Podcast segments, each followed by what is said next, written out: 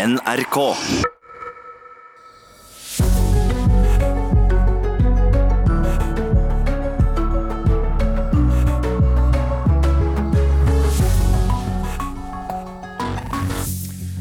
God morgen, folkens. Det er lille julaften, men den som tror at vi her i Nyhetsmorgen sitter stille i båten av den grunn, har eh, annet i vente. Vi har nemlig masse på plakaten. Blant annet skal du få høre mer om disse e-postene fra Det hvite hus som synes å vise at president Donald Trump stanset militær bistand til Ukraina etter telefonsamtalen med president Zelenskyj. Hvis det er sant, så er det jo flere demokrater i USA som nå mener at Trump kan ha et forklaringsproblem.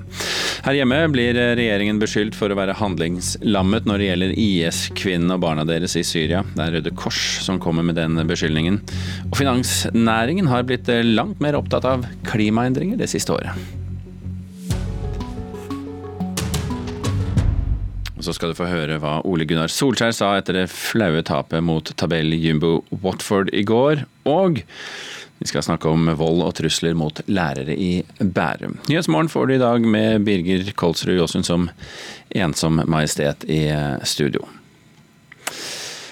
Ja, interne e-poster viser altså at Det hvite hus stanset den militære bistanden til Ukraina halvannen time etter at Donald Trump og Ukrainas president Volodymyr Zelenskyj snakket sammen på telefon den 25. juli. Opplysningene beskrives som oppsiktsvekkende. Demokratene i USA hevder dette er et klart bevis på at versjonen som tidligere har blitt gitt av president Trump og Det hvite hus, ikke er riktig. Hva er det de forsøker å skjule? Hva er de redde for? Mannen som spør, heter Chuck Schumer, demokratenes senatsleder.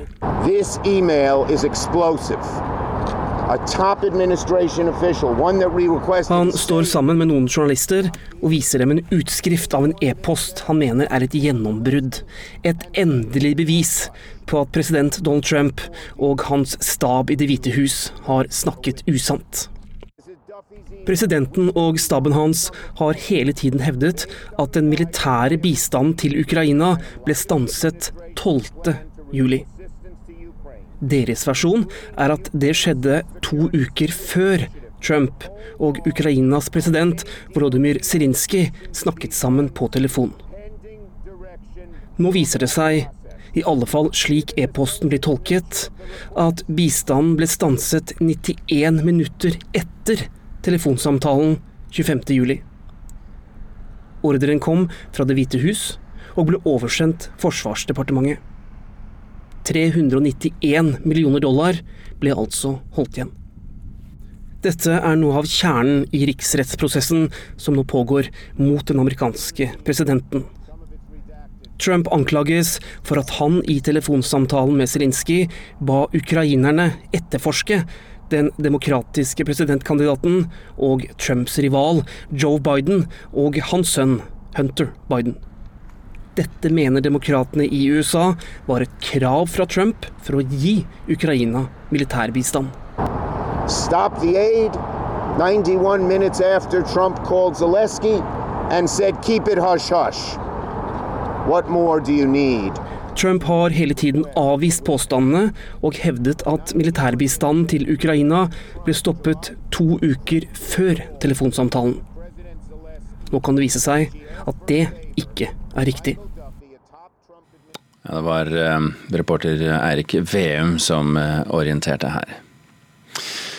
Tiden er i ferd med å renne ut for de norske barna og IS-kvinnene i Syria. Det hevder Norges Røde Kors.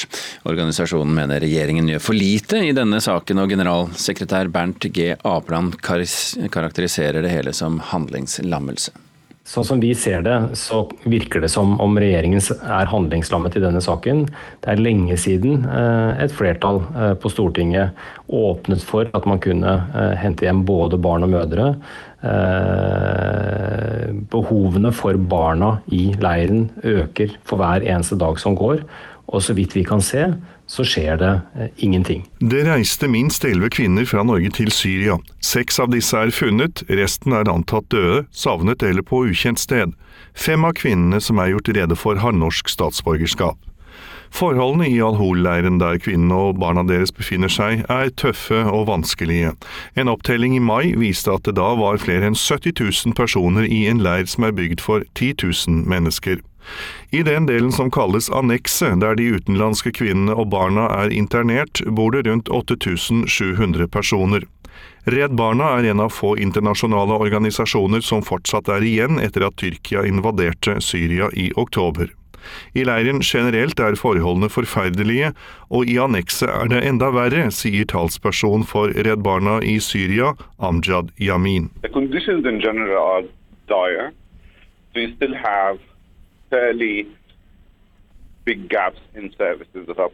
Generelt sett er forholdene i leiren dystre. Det er store mangler i hjelpetiltakene, slik som at det ikke er organisert undervisning for barna. Ernæringssituasjonen er kritisk, boforholdene nå i vinterhalvåret er svært dårlige, det samme gjelder for distribusjon og tilgjengelighet på vinterklær. Når det gjelder medisinsk hjelp ser vi at det bedrer seg noe, men fortsatt er de hygieniske forholdene under enhver kritikk. Det er strid innad i regjeringen om hva norske myndigheter skal gjøre. Mens Venstre og KrF har åpnet for å hente hjem både kvinner og barn, har Frp motsatt holdning. Utenriksdepartementet vil ikke uttale seg om hva de foretar seg i saken. Finland har nylig åpnet for at enkelte IS-mødre kan hentes tilbake. Ifølge Helsinki Times skal mødrenes skjebne avgjøres fra sak til sak, basert på barnas beste. Apeland ber regjeringen følge Finlands eksempel, til tross for at flere frykter at kvinnene kan utgjøre en terrorfare. Dette er eh, norske statsborgere, og fordi dette er barn som ikke bør leve under disse forholdene, og fordi vi vet at i hvert fall ett av disse barna er eh, alvorlig sykt og i hvert fall ikke bør være eh, i eh, leve under slike forhold. Og så er det også slik at vi mener at eh, norske lokalsamfunn er godt rustet til å ta imot disse familiene. Og norsk rettsvesen er også godt rustet til å ta imot de som eventuelt er mistenkt for terrorvirksomhet. Statssekretær Audun Halvorsen i UD sier at regjeringen hele tiden har sagt at den er bekymret for barn av norske borgere som er internert i Syria. Av hensyn til sikkerheten for de berørte, riktignok, så kommer regjeringen ikke til å si noe om eventuelt pågående arbeid. Reporter her det var Tor Albert Frøsland og Kristine Svendsen. Og da har vi kommet til det punktet hvor vi ser litt på hva som har skjedd i løpet av natten, og til å hjelpe med det i dag, Elise Heisel Asbjørnsen. Ja, vi kan begynne med at eh, julen eh, Vi kan starte med at julen begynner dårlig fordi 50 Der setter vi i gang. Her. Vi kan starte med at eh, julen begynte dårlig for de 53 som måtte ut på gata da tre leilighetsbygg på Fagernes i Oppland ble evakuert i natt. Årsaken var tykkrøyk fra brann i et nabobygg som da har en restaurant i første etasje. Røykdykkere søkte gjennom bygget, men det viste seg at de to som bor der er på ferie. Og De jobbes fortsatt med etterslukking her, da. Mm. Og Det brenner fremdeles eh, rundt 200 eh, steder i Australia, og i helgen gikk om lag 180 hjem tapt. Annet ble landsbyen Balmoral sør for Sydney nærmest utslettet. Én person er meldt omkommet i brannene de siste to dagene. Til sammen har nå mer enn 900 boliger i landet brent ned, nær 800 av dem i delstaten New South Wales. Seks personer har mistet livet i brannene så langt. Børsene i Tokyo og Hongkong åpnet i pluss i dag. Det er hjulpet av oppgang på Wall Street, en billigere kinesisk valuta og optimisme i synet på en løsning i konflikten mellom USA og Kina. For um, Kinas egen børs den åpnet derimot ned. USAs president Donald Trump sa på fredag at han hadde en veldig god samtale med sin kinesiske kollega om da en delvis avslutning på denne 18 måneder lange handelskonflikten som har satt sitt preg på den globale økonomien og handelen. Og Her er noe av det du får vite mer om hvis du følger med på NRK Nyheter i dag. Ja, vi følger selvsagt med på krisestemningen i førjuls-Frankrike. For mens tog og T-bane står pga. streiken, fortviler nemlig franske butikker, restauranter og hoteller. Maktkampen om pensjonssystemet er i ferd med å lamme hele landet. Siden begynnelsen av desember har Frankrike vært rammet av omfattende demonstrasjoner, streiker og trafikkaos. Dette da som følge av protestene mot regjeringens planer om å endre på landets pensjonssystem. Her hjemme har julefreden senket seg, men ikke for politimannen fra Nordland som er siktet for misbruk av sin stilling ved å ha hatt eh, seksuell omgang med flere kvinner, samt en voldtekt. Han ble fremstilt for forlenget varetektsfengsling i Sør-Trøndelag tingrett på fredag, men kjennelsen den kommer i dag, så den eh, følger vi med på. Tre år har gått siden eh, lastebilangrepet mot julemarkedet i Berlin. Siden den gang har tyske myndigheter avverget ni islamistiske terrorangrep, ifølge det tyske rikspolitiet. To av dem skulle ha blitt utført i november i år.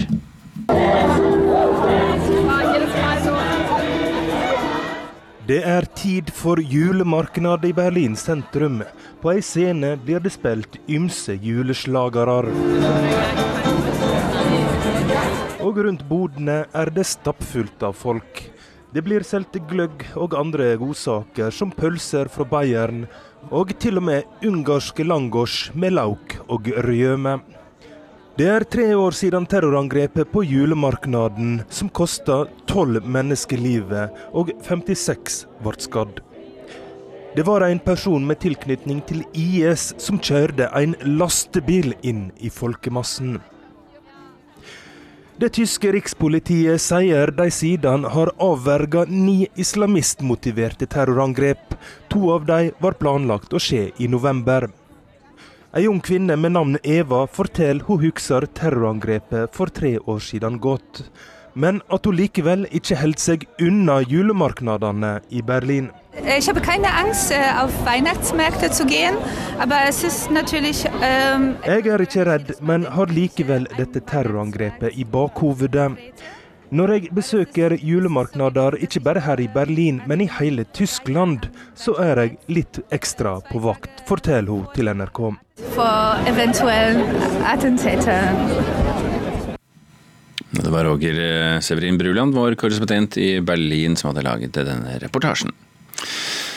Nå skal vi til finansnæringen, for de er i mye større grad enn tidligere opptatt av hva slags økonomisk risiko klimaendringene innebærer. Det hevder Cicero, Senter for klimaforskning, som i mer enn 30 år har forsket på denne tematikken. Selskapene prøver å finne ut av hvordan de kan tjene penger i en fremtid med lavere klimautslipp, sier administrerende direktør der, Kristin Halvorsen. Vi merker stor endring fra Ciceros side bare i løpet av det siste året. Det er mange flere fra finansbransjen som er på oss og gjerne vil forstå hvordan kommer klimaet til å endre seg. Hva slags økonomisk tap vil banker og forsikringsselskap få når været blir villere og våtere enn i dag? Hvordan skal bedriftene tjene penger i ei fremtid der klimautslippene må ned? Det er blant spørsmåla som mange i finansnæringa nå prøver å finne svaret på. Derfor banker mange flere enn før på døra hos Kristin Halvorsen i Cicero senter for klimaforskning. Eh, kommer man til å eh, tape penger pga. ekstrem nedbør, overvann, annen form for klimaskade? Men også hva slags prosjekter for framtida er det som vil være lønnsomme når utslippene skal ned til null? Også i sentralbanken er man opptatt av klimaendringene. Det er en helt annen oppmerksomhet om dette her nå, sier Torbjørn Hægland, som er direktør for finansiell stabilitet de tilpasningene som må gjøres for å redusere klimautslippene, vil påvirke finansbransjen, og den risikoen må de ta hensyn til. Hvorfor skal Norges Bank være opptatt av dette med klimarisiko? Norges Bank har som en del av sitt mandat å bidra til stabilitet i det finansielle systemet. Da er klimarisiko en del av det, hele det risikobildet som vi ser på.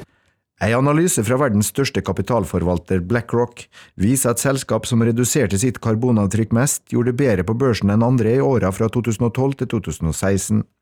Men det å ta særlig hensyn til miljø og klima kan også komme med en prislapp.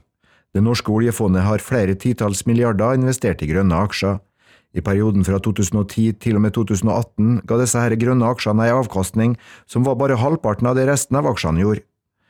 Agathe Shetlein er direktør for bærekraft i Finans Norge. Hun mener likevel at den økonomiske risikoen er størst ved det å ikke investere bærekraftig. Ja, nå er jo vi, mer kjent med det at argumentet er egentlig motsatt fortegn. At eh, hvis du ser på hva risikoen kan være, hva nedsiden kan være, og ikke investere bærekraftig eller grønt, så tror jeg at regnestykket totalt sett vil være positivt, og at det vil heller lønne seg fremfor å være en lavere avkastning. Så dere tror dette her er å investere på en eh, lønnsom måte for fremtida? Ja, det er akkurat det vi mener. At det er, skal både være lønnsomt og bærekraftig. Reporter her, det var Johan V. Settem. Ja, da er klokken rukket å bli 17 minutter over eh, sju. Du hører på Nyhetsmorgen, og de sakene vi er opptatt av i dag er bl.a.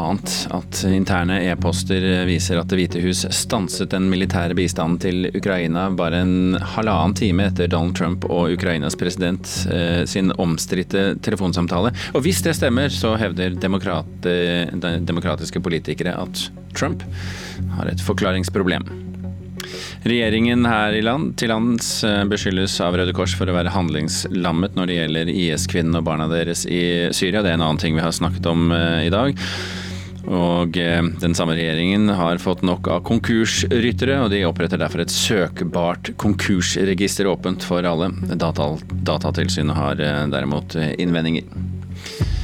Hva disse innvendingene er, skal du få høre om ikke så lenge her i Nyhetsmorgen. Vi skal til eh, England først, fordi Manchester United-manager Ole Gunnar Solskjær er kritisk til hvordan hans eget lag fremsto i 2-0-tapet for eh, bunnlaget Watford i den engelske eliteserien i går kveld. Kampen ble preget av en stor tabbe av eh, Uniteds keeper i annen omgang.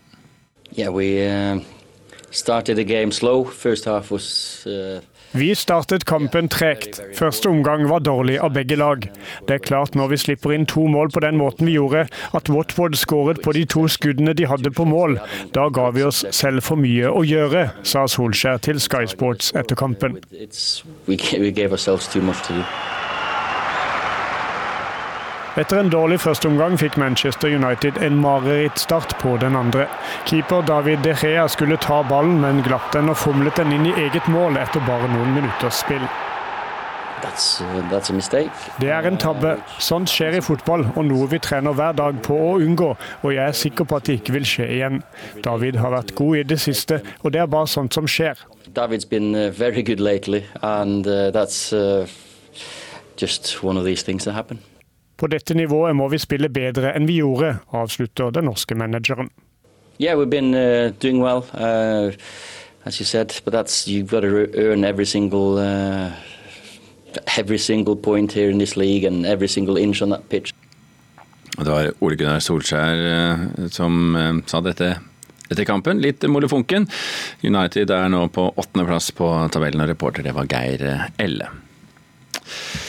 Om du bor i et område som eh, kan være utsatt for skred, så kan det bli vanskelig å få tillatelse til å få bygget nytt på tomten. Du husker kanskje at vi snakket om dette forrige uke, eh, nemlig at 13 500 mennesker her til lands eh, de siste årene har fått byggenekt av staten fordi de da bor i slike om eh, områder. Men hva da hvis geologene tar feil, eller f.eks. at to rapporter konkluderer helt forskjellig på akkurat samme område? Hva gjør du da? Nå skal vi til Stryn, som er en av kommunene som har merket akkurat dette på kroppen, og som har store områder avmerket som skredutsatt. Det er jo ingen som ønsker at et hus eh, skal bli tatt av skred. Men hvis du har to faglig godkjente rapporter som er sprikende, så er det en utfordring. Og Det er ikke nødvendigvis et lett svar hvilken du skal legge til grunn. Kommunalsjefen i Stryn skal planlegge hvor det kan bygges hus i noen av de mest rasutsatte bygdene i landet. Det er et stort ansvar. På veggen viser Jan Flore store områder som NVE har markert som skredutsatte i Stryn, men geologene kan også ta feil. I Stryn sentrum fikk et helt bostadområde strenge byggeforbud, men da et nytt firma fikk oppdrag med å kartlegge sikringstiltak, synte det seg at konklusjonene i den første rapporten kunne være feil. Da måtte det enda en rapport på bordet fra et tredje firma før NVE kunne si at området var trygt likevel. Vi har jo mange tilfeller der får vesentlige forskjeller i rapportene, som da gjør at den ene sier at du kan bygge, og den andre sier du ikke kan bygge. Jeg må ha en målestokk på bildene mine. Det er geologer slik som her i Stryn i 2015 som gjør jobben med å kartlegge for ras. Jobben blir gjort både gjennom feltarbeid og datamodeller. De statlige skredfarekartene har så langt markert at 13 500 innbyggere ikke lenger kan bygge nytt der de bor, eller utvide med mer enn 50 kvadratmeter. Konsekvensene for de det gjelder kan være store. Forrige uke fortalte NRK om Øystein og Lene Førde Navelsaker Eid, som kanskje aldri mer kan bygge nytt på gården sin, og som måtte legge planene om å utvide fjøsen på is. Vi driver her, og det er rart at en ikke skal få lov til å fortsette å utvikle seg. Det er eksterne selskap NVE legger inn for å gjøre skredfarekartleggingene. Tar han med flaum, kvikkleir og skred, bor nå over 170 000 mennesker her til lands i ei faresone. Men erfaringer viser altså at geologene kan vurdere akkurat de samme områdene som forskjellige. Leder for seksjon for skred- og flaumkartlegging i NVE, Halvard Berg, sier de nå vil prøve å få bukt med dette. Altså Den kartleggingen som vi bestiller, den skal være god nok for en avklaring eh, av faren. Så ser vi også at det er, det er variasjoner i hva som leveres. Eh, og Det er også grunnen til at vi, da, vi satte i gang et arbeid med det som vi kaller en bransjestandard, slik at vi kan eh, definere hva er en god utredning. Så Det jobber vi med i samarbeid med bransjen. da. I Stryn har flere hundre innbyggere nå byggerestriksjoner på eiendommene sine, og fremdeles er ikke kommunen ferdig kartlagt. Jan Flore sier det er viktig at kartene er riktige, fordi følgene for lokalsamfunnet kan være store. Og vi holder på med Eh, skredkartlegging av nye, store områder. Eh, så Ut ifra det så forventer jeg at en får flere som blir kartlagt innenfor en sone som gir restriksjoner på utvikling av bygningsmasse. Reporter her, det var eh, Asgeir Heimdal Reksnes. Om 20 minutter nå så vil det for dere som hører på P2 og Alltid nyheter og Nyhetsmorgen generelt være Politisk kvarter som vanlig, og det skal i dag handle om vår felles pengebinge, nemlig oljefondet. Programleder Trond Lydersen, er det noe å snakke om? Er ikke dette bare en uh, solskinnshistorie? Ja, det, det, spørs jo da, det spørs jo hvor interessert du er i å vite hvordan lønningene dine f.eks. skal betales i framtiden. Det handler om hva vi skal leve av når oljen begynner å ebbe litt ut. Og Der er oljefondssjef Yngve Slyngstad et lite budskap om hvor solid det står til med finansene våre i framtiden. Og så kommer det en liten pekepinn. Kan man gjøre noe godt av dette fondet, som tross alt er bygget på ganske store utslipp? Ok, Trond Lydersen altså. Politisk kvarter kvart på åtte. Fra 1. april neste år så skal du kunne søke opp personer som har eh, fått konkurskarantene. Og Grunnen er at folk og bedrifter skal da unngå å tape penger. Datatilsynet de er riktignok skeptisk til denne ordningen, men Justisdepartementet de mener at det er nødvendig. Økonomisk kriminalitet er en kjempestor utfordring, eh, og det er viktig at vi som samfunn klarer å stoppe bl.a. konkurskriminalitet. Det sier Tor Kleppen Settem i Justisdepartementet. Det er altfor mange som slipper unna med den typen kriminalitet i dag. I løpet av det siste året har NRK skrevet om to konkursryttere. De bor én kilometer fra hverandre i samme by, Tønsberg. Begge har vært involvert i 20 forskjellige konkurser hver. Folk, bedrifter og det offentlige mener å ha tapt opp mot 50 millioner kroner på de to. Slike historier gjør at Jon Sandnes i Byggenæringens Landsforening mener det er et stort behov for en gapestokk. Vi kan jo ikke ha et system eh, som er rigget for å beskytte konkursryttere, slik vi har opplevd nå i lang tid. Og Vi er også derfor veldig glade for at eh, næringen nå har blitt lyttet til, og gis mulighet til nettopp å sjekke dette mye lettere. Rundt 5000 bedrifter blir slått konkurs hvert år. Vanligvis har ikke bedriftseierne gjort noe galt. Useriøse bedriftseiere kan derimot få konkurskarantene. Men de siste årene har det vært vanskelig å finne ut hvem som har karantene. Eh, I dag så har det vært slik at uh, veldig mange uh, har unnsluppet dette. Uh, de har til og med rett og slett fått forbud mot å jobbe, men fortsetter som ingenting.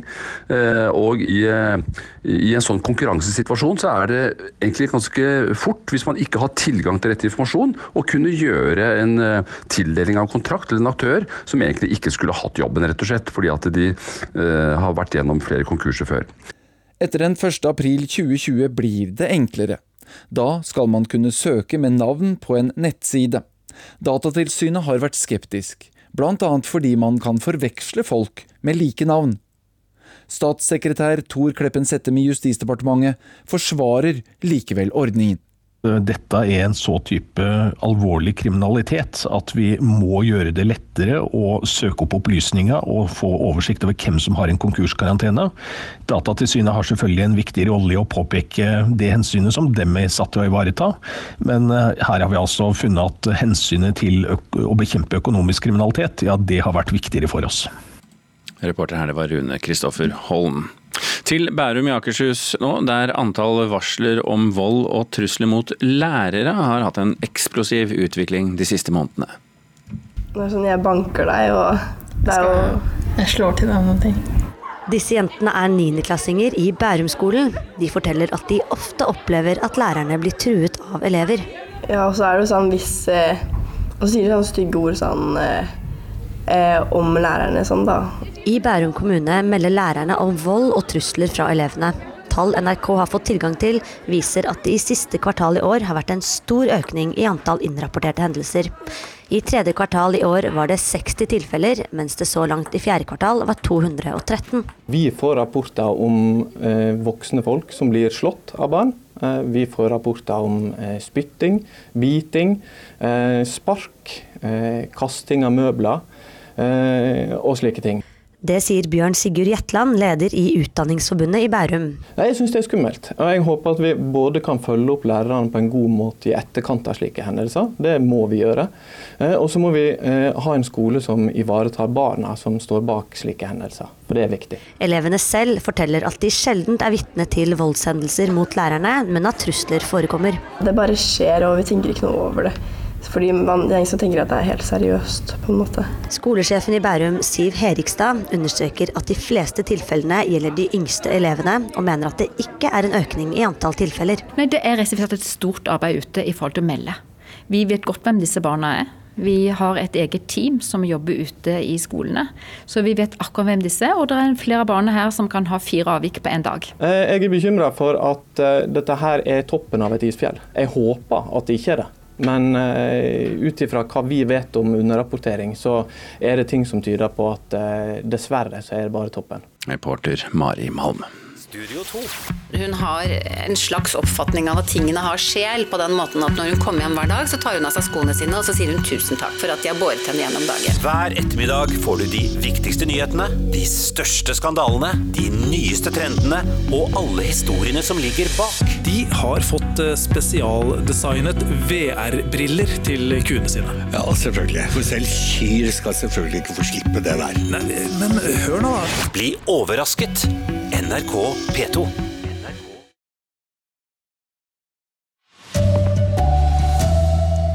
«91 minutter gikk det fra Trump snakket med Ukrainas president til den amerikanske bistanden var frøset.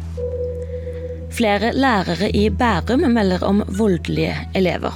Voksne folk som blir slått av barn. Spytting, biting, spark, kasting av møbler. Og finansfolk er blitt mer opptatt av klima. Her er NRK Dagsnytt, klokka er 7.30. Interne e-poster som nå er blitt kjent, viser at Det hvite hus stanset den militære bistanden til Ukraina halvannen time etter at Donald Trump og Ukrainas president Volodymyr Zelenskyj snakket sammen på telefon i juli. Disse opplysningene blir beskrevet som oppsiktsvekkende. Demokratene i USA hevder at dette er et klart bevis på at versjonen som tidligere er gitt av Trump og Det hvite hus, ikke er riktig. Hva er det de forsøker å skjule? Hva er de redde for? Mannen som spør, heter Chuck Schumer, demokratenes senatsleder. This email is explosive.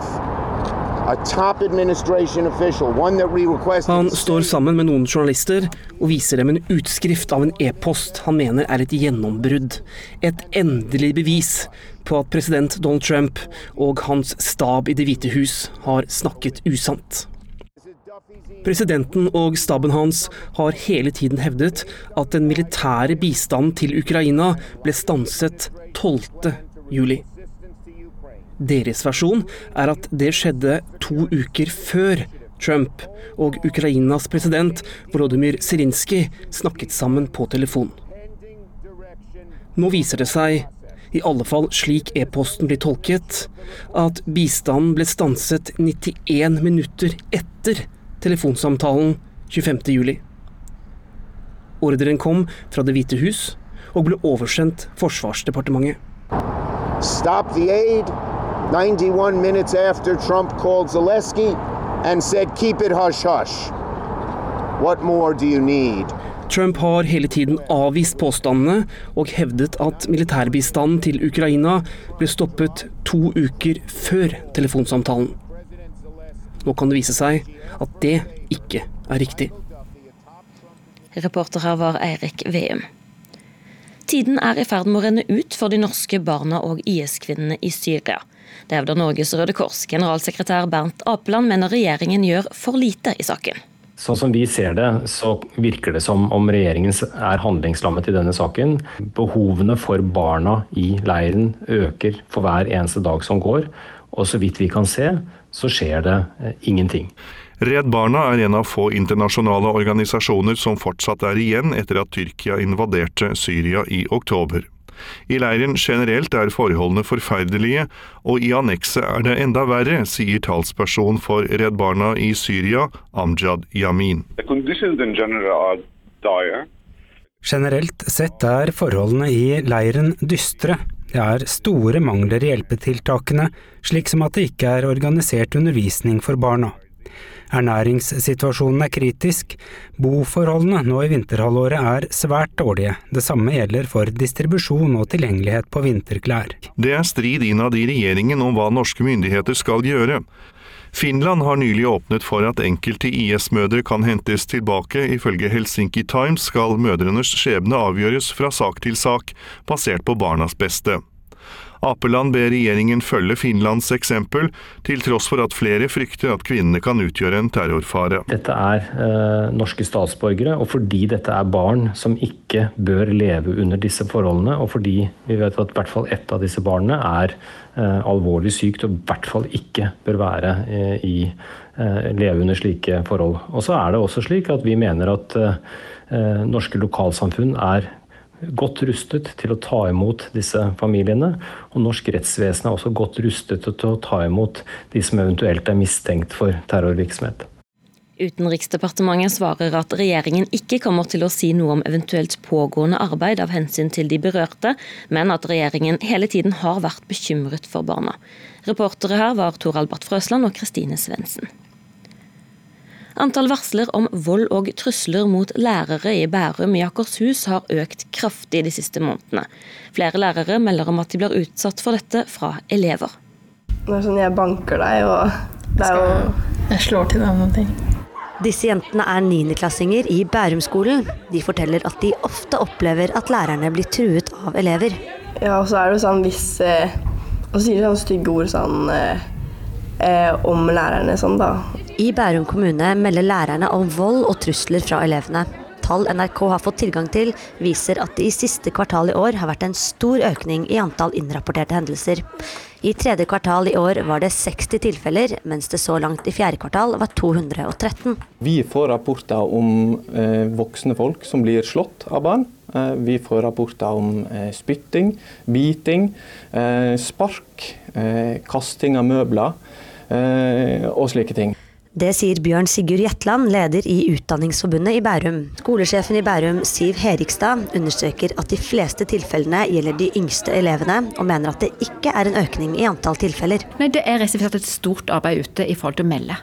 Vi vet godt hvem disse barna er. Vi har et eget team som jobber ute i skolene. Eh, Jeg er bekymra for at eh, dette her er toppen av et isfjell. Jeg håper at det ikke er det. Men uh, ut ifra hva vi vet om underrapportering, så er det ting som tyder på at uh, dessverre så er det bare toppen. Reporter var Mari Malm.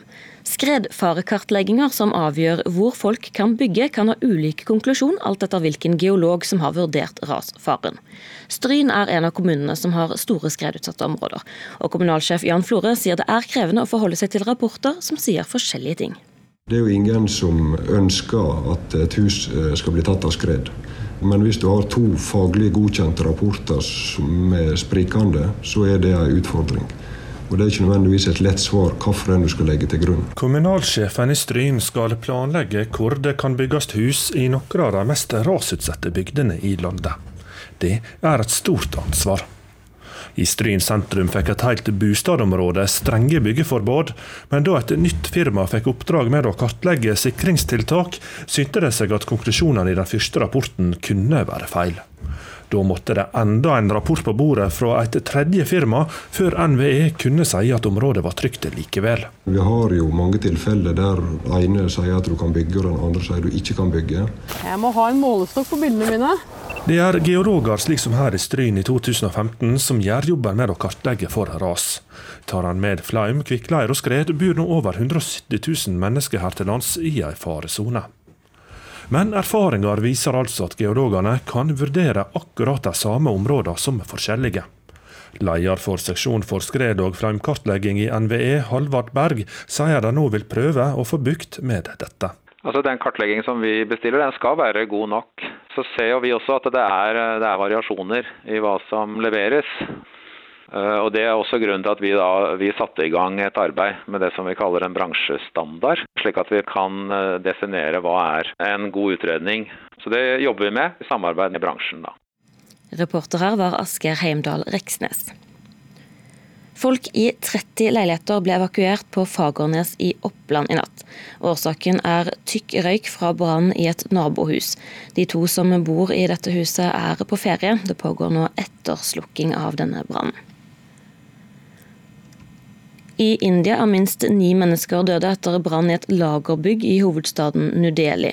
Det var klær som ble lagret i dette bygget. Brannårsaken er ukjent. På Filippinene er åtte personer døde og 120 på sykehus etter å ha drukket kokosvin. Denne vinen er vanlig på høytider i landet og blir ofte produsert illegalt, skriver Reuters. Blant annet har det tidligere blitt påvist metanol i hjemmebrenten. Alle årets tilfeller er registrert i to provinser rett sør for hovedstaden Manila. Finansnæringen er i mye større grad enn tidligere opptatt av hva slags økonomisk risiko klimaendringene innebærer. Det forteller Cicero, Senter for klimaforskning, som i mer enn 30 år har forsket på tematikken. Selskapene prøver å finne ut hvordan de kan tjene penger i en framtid med lavere utslipp. Det forteller administrerende direktør Kristin Halvorsen. Vi merker stor endring fra Cicros side bare i løpet av det siste året. Hva slags økonomisk tap vil banker og forsikringsselskap få når været blir villere og våtere enn i dag? Det er blant spørsmåla som mange i finansnæringa nå prøver å finne svaret på. Kommer man til å eh, tape penger pga. ekstremnedbør, overvann, annen form for klimaskade? Men også hva slags prosjekter for framtida er det som vil være lønnsomme når utslippene skal ned til null? Reporter Johan Settem, ansvarlig for sendingen Erlend Rønneberg. Jeg heter Elise Asbjørnsen.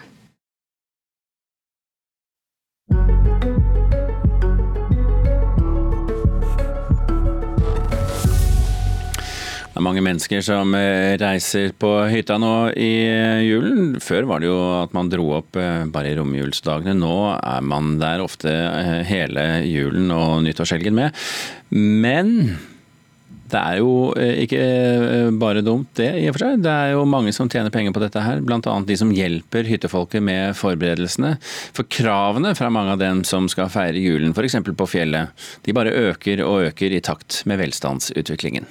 Selvfølgelig mye snømåking og eh, vask, eh, men eh, vi har også hatt oppgaver som å skaffe juletre og sette opp det, pynte det, pynte hytta til jul. Vi har satt inn en oppvaskmaskin fordi hele slekta kom på besøk. Men også har vi fått spørsmål om et nisseoppdrag, hvor det var ønske om at vi skulle ha med både slede og reinsdyr. Klarte dere å skaffe til veie det? Eh, vi klarte kanskje ikke alle punktene, men eh, jeg tror vi har rodd den ganske godt i land. Svein Olav Larsgard i JK Service på Geilo har travle dager. På blokka har han fullt med oppdrag. Mange av dem som skal feire jul på hytta synes det er deilig å kjøre inn på en ferdigmåkt hyttegårdsplass. Noen synes også det er godt å slippe å kjøpe juletre og pynte til julehøytiden. I dag så er det veldig populært å ha et ønske om å komme på til fjells og ha alt eh, ferdig og klart når man kommer opp. Før reiste man opp på hytta noen dager i romjulen. Nå er det mange som tar med hele storfamilien og feirer alle juledagene på hytta. Hyttene er blitt større, og nordmenn mer kravstore til både komfort og lettvinte løsninger.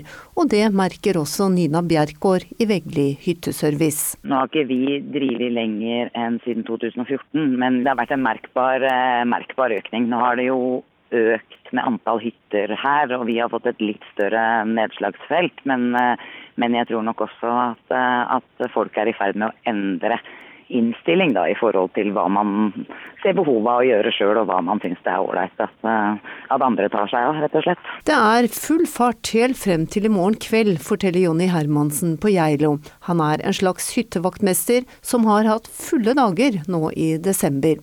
Det er mer å gjøre fordi det er flere folk som reiser til fjells i julen. Folk bruker hytten lenger, altså det er flere døgn når de først kommer. Før så kom de gjerne mer i romjula, men nå er det ofte hele, hele jul nyttår. Og nå er mange som blir 16 dager nå. Og, så hyttene er større, og det er mer komfort og det er mer plass til det. Så det er mer bygd som et hus på fjellet, kan du si. Og da, da blir det brukt mer. Får du selv eh, feiret jul? Nei, det blir lite. Jeg reiser hjem igjen sånn i seks-halv sju-tida på julaften. Og så bruker det å bli en tur ut igjen utpå kvelden etter middagen. Så det blir ikke noe juleøl på, på deg til middagen? Nei, det blir ikke smakt noe alkohol hele veten, for han veit aldri når det ringer. Handle mat til hele familien for flere dager er ikke gjort i en fei. Vi har fulgt opp. Folk leverer lange handlelister, og maten skal ut til hyttefolket. Det forteller Nina Fagertveit hos Spar på Geilo. Det er klart Når du da skal fylle opp mat for eh, hele jula med både 10 og 15 mann, så, og de skal kose seg, så er det klart at uh, Summen på handlelappen blir både 5 og 10 og 15 000 kroner. Har dere det travelt uh, lille julaften og julaften?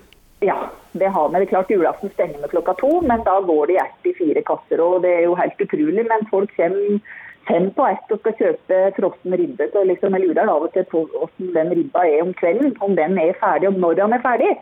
Uh, så det er jo en del folk som er rimelig stressa, da. rimelig stressa. Dette var uh, altså eh, daglig leder i Spar på Geilo. Hun heter eh, Nina Fager Gård, og reporter det var Maria Kommandantvold.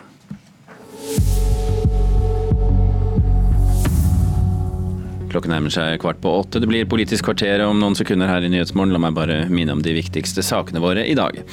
Interne e-poster viser at Det hvite hus stanset den militære bistanden til Ukraina halvannen time etter at Donald Trump og Ukrainas president hadde sin omstridte telefonsamtale. Regjeringen beskyldes av Røde Kors for å være handlingslammet når det gjelder IS-kvinnene og barna deres i Syria. Og finansnæringen her i Norge er i mye større grad enn tidligere opptatt av hva slags økonomisk risiko klimaendringene innebærer. Det sier Cicero, Senter for klimaforskning. Nå er det Politisk kvarter. Trond Lydersen er klar med sin gjest i studio.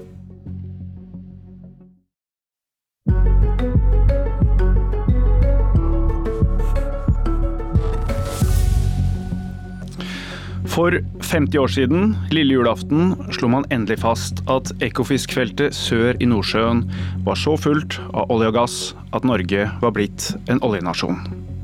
Men er dette også dagen vi skal slutte å si at vi først og fremst er en oljenasjon, men isteden en fondsnasjon som lever av å eie utenlandske arbeidsplasser? Og hva betyr det så for oss?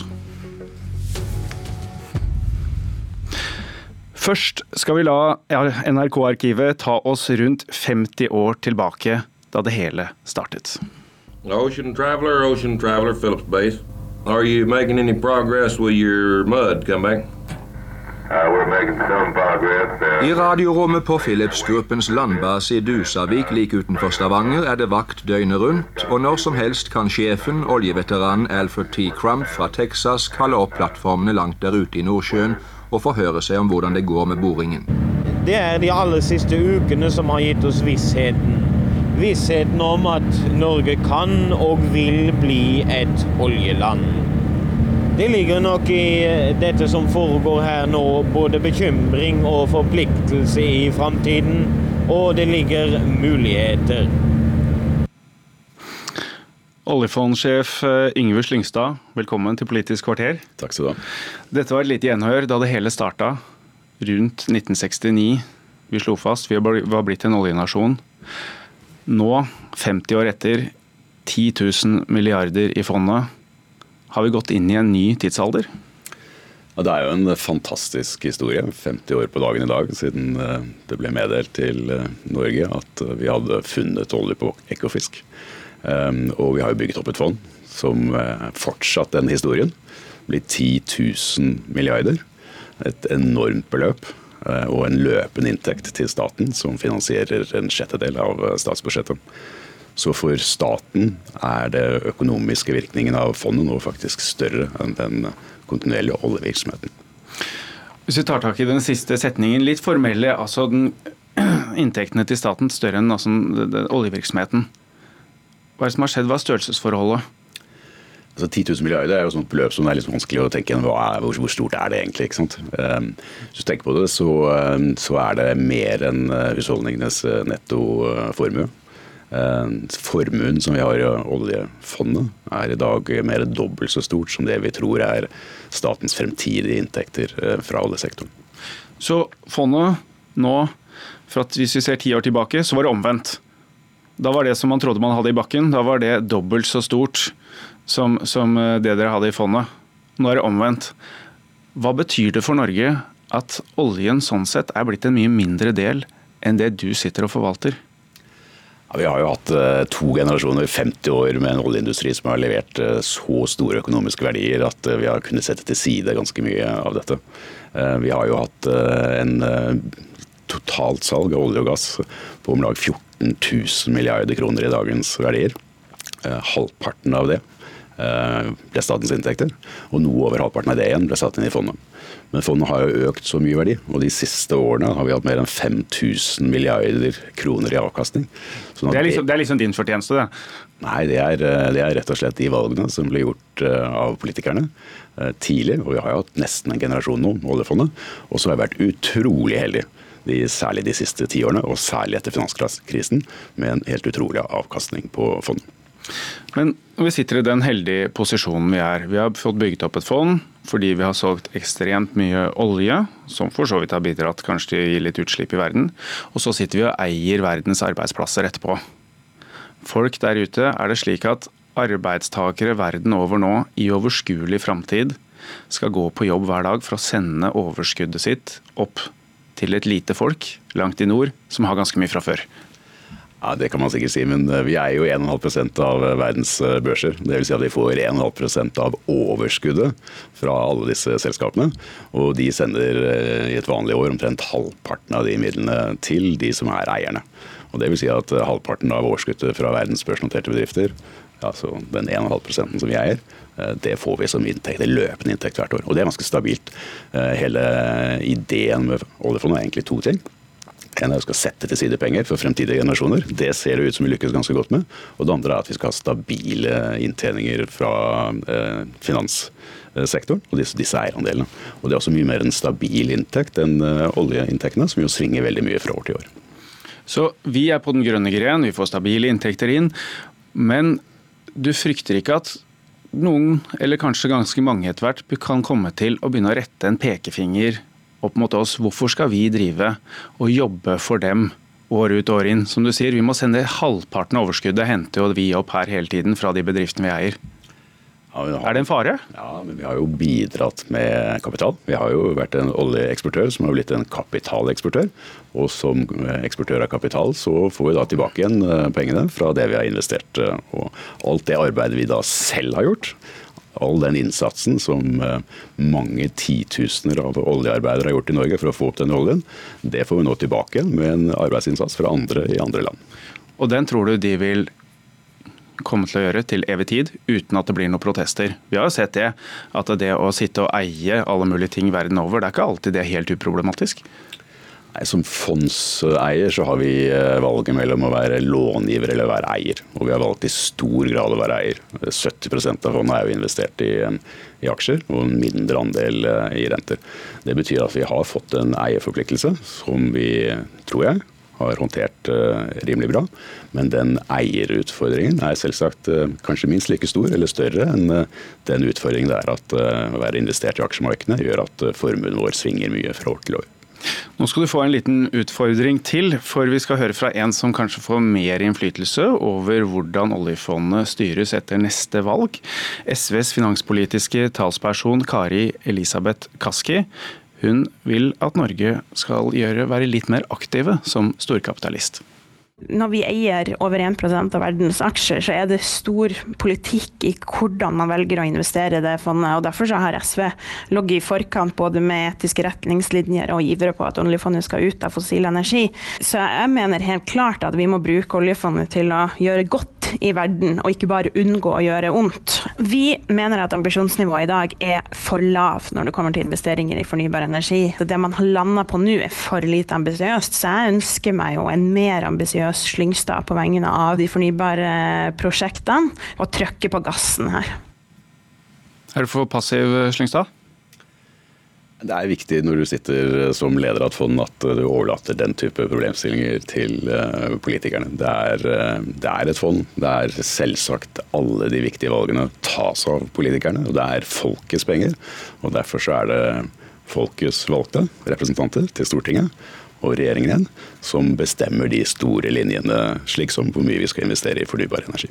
Ja, men altså, du, du har jo dine ønsker. Du jobber jo for din sak. Hva er det du ønsker å gjøre med fondet? Vil du gå grønnere? Nei, Jeg har bare ett ønske, og det er å gjennomføre den strategien som legges av finansministeren, og som blir diskutert eh, i eh, finanskomiteen i Stortinget på en best mulig måte. Men altså, ambisjonen nå den er å ha investert 1% i, i fornybare innen tre år. Ja, det er lagt en strategi eh, fra hovedstyret i Norges Bank eh, som sier at vi skal forsøke i løpet av de neste tre årene å investere 1% av fondet i fornybar energi. Det er et veldig ambisiøst mål. Det er faktisk eh, Med et fond på 10 000 milliarder, så er det 100 milliarder kroner. Og kanskje ikke eh, realistisk at vi vil komme i nærheten av det i løpet av den perioden. Men altså, 100 milliarder, du sitter med 10 000 milliarder. Og i loven som du styrer etter, til og med, så står det at du kan investere opp til 2% Er ikke det ramma di, da? Ja, Men uh, jobben som vi har, det er å gjøre best mulige investeringer. Dvs. Si at vi vil bare investere dersom vi tror vi får en bedre avkastning på dette enn det vi får på andre investeringer vi har. Så det første jobben min er faktisk å se om vi finner noen gode investeringsmuligheter. Det er åpnet for at fondet fra årsskiftet kan investere i fornybar energi. Og vi vil selvsagt se på sol, havvind, andre typer investeringer innenfor fornybar, men altså først og fremst da i, i Europa og i Nord-Amerika. Du vil ikke kommentere alt hva politikerne sier, men det er jo da likevel slik at vi har en ny oljeminister som sier at man skal bremse inn når det gjelder vindkraftutbyggingen. Hvordan rimer det med satsingen? Ja, den, eh, Det spørsmålet der er opp til de som bestemmer. og Det er, det er politikerne og det er regjeringen som, som har det fulle ansvaret. Og heldigvis tar de gode valgene på disse områdene. Du sier altså selv om man skal satse da fornybart, så skal man se den retningen, men det samme gjelder. Det er penga som rår, man skal tjene mest mulig. Det er det det gjelder. Det er det det er. Eh, vi har én oppgave, og det er å få høyest mulig avkastning på de midlene som eh, vi nå har spart opp etter to generasjoner med arbeid i Nordsjøen og andre steder langs kysten. Så den jobben som jeg er satt til å gjøre, og alle de 600 flinke menneskene jeg har sammen med er egentlig ganske enkel. Få best mulig avkastning innenfor det mandatet som er gitt av politikerne. Nå hørte du Kari Elisabeth Kaski. Hun ville ha en mer offensiv holdning når det gjaldt miljø. Vi har hørt Arbeiderpartileder Jonas Gahr Støre si at oljefondet er et politisk verktøy. Prinsipielt, hvor lurt mener du det er om man bruker oljefondet som et politisk verktøy? Altså, politikk handler jo om hvordan vi innretter uh, samfunnet. Og en av de viktigste valgene som vi har gjort, en av de viktigste politiske grepene også, da, den siste generasjonen, uh, det er jo opprettelsen av oljefondet og å sette til side penger for fremtidige generasjoner. Uh, det betyr at alle de viktige valgene også som gjøres, er jo politiske valg. Det er faktisk slik at det diskuteres i Stortinget hva fondet kan investere i, og hva det ikke kan investere i. Men innenfor det oppdraget vi har gitt, så har vi da gitt en frihet til å velge de investeringene som vi syns er det beste, og som gir den beste avkastningen. Men Kan du se for deg at oljefondet kan drives ut fra en annen målsetting enn å tjene mest mulig penger, kaste mest mulig av seg til framtidige generasjoner i Norge?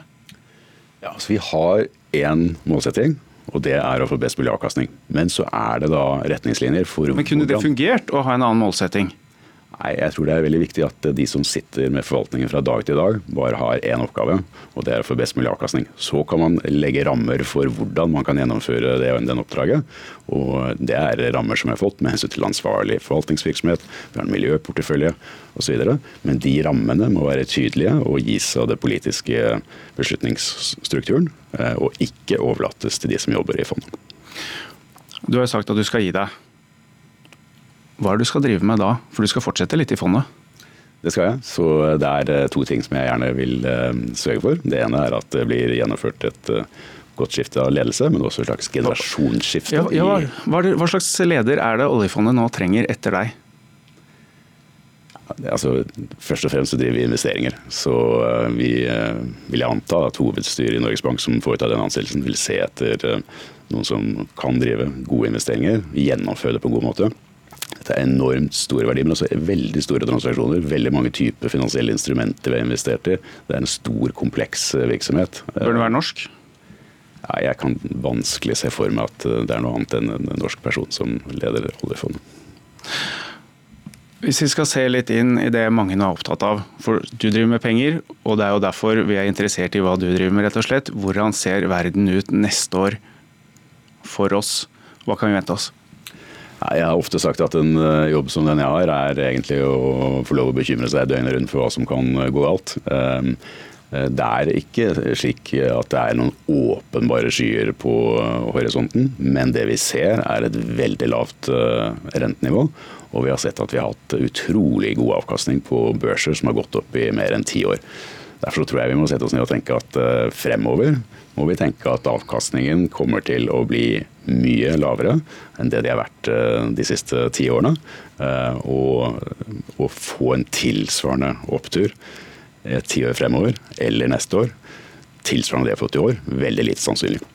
I år har vi en avkastning på mer enn 50% av BNP. Det står på 1800 milliarder. Desidert det beste året i fondets historie. 350 000 kroner i avkastning per innbygger helt utrolig år. Det får vi ikke igjen på lenge. En normal årslønn etter skatt per innbygger i år. Du sier det, det er lenge til vi får igjen. Får vi det noen gang? Eller hvor lenge står den rekorden? Ja, det, det, er vanskelig å vite, for det har jo gått eh, så bra i så mange år. Og vi har blitt overrasket år etter år eh, på hvor mye vi faktisk har eh, tjent på dette fondet. Og vi kan jo bare glede oss. Det er lille julaften. Det er 50 år siden det ble meddelt til norske folk at vi har, hadde funnet olje. De 50 årene har vi forvaltet bra. Vi har hatt en oljeindustri som har levert enorme verdier. Vi har tillegg til det fått en, et fond som har uh, hatt utrolig god avkastning. Uh, og det er det bare grunn til å glede seg over, og glede seg inn i julen over den store formuen vi faktisk har samlet opp. Da går vi inn i jula i trygg forvisning om at vi fortsatt er rikest i verden. Takk, oljefondsjef Yngve Slyngstad. Mitt navn er Trond Lydersen.